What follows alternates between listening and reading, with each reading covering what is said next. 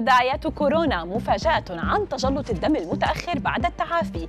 دراسة واعدة لعلاج القلق والخوف. فوائد لم تكن تعرفها في التفاحة. أبرز أخبار الساعات الأربع والعشرين الماضية في دقيقتين على العربية بودكاست ما زالت تتكشف الكثير من التأثيرات الصحية على المرضى والمتعافين من فيروس كورونا حيث أن نتائج الدراسات المطولة تكشف يوما بعد يوم عن مفاجآت غير متوقعة.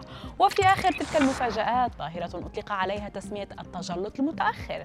فيمكن أن يتطور تجلط الدم لدى المرضى المصابين بكوفيد 19 حتى بعد عدة أشهر من الشفاء.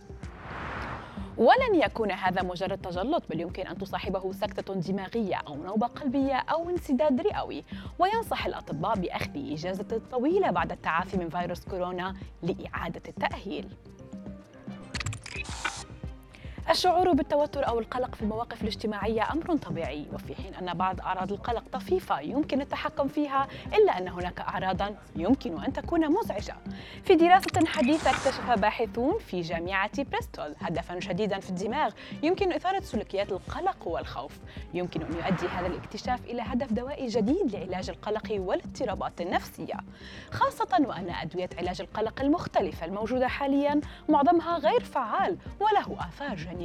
غير مرغوب فيها. تعتبر الفاكهة طعاما صحيا ولذيذا وطبيعيا في آن واحد إذ يمكن أن تساعد في تحقيق أهدافك في إنقاص الوزن خاصة إذا كنت ترغب في إنقاص دهون البطن. وواحدة من أفضل الفواكه التي يمكنك تناولها للحصول على بطن مسطح هي التفاحة وفقا لما نقل موقع Eat This Not That فتناول تفاحة يوميا يمكن أن يفيد أكثر من مجرد عدم زيارة الطبيب لأنها مليئة بالفلافونويد والألياف الصحية التي يمكن أن تساعد في حرق دهون البطن.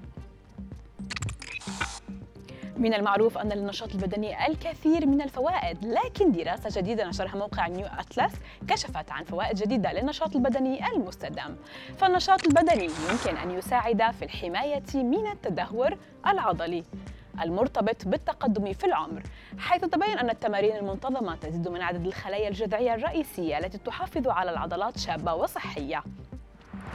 الرسالة الأكثر أهمية من نتائج الدراسة هي أنه حتى القليل من التمارين الرياضية يبدو أنها تعطي مردودا على المدى البعيد عندما يتعلق الأمر بالحماية من التدهور المرتبط بالتقدم في العمر في وظيفة العضلات.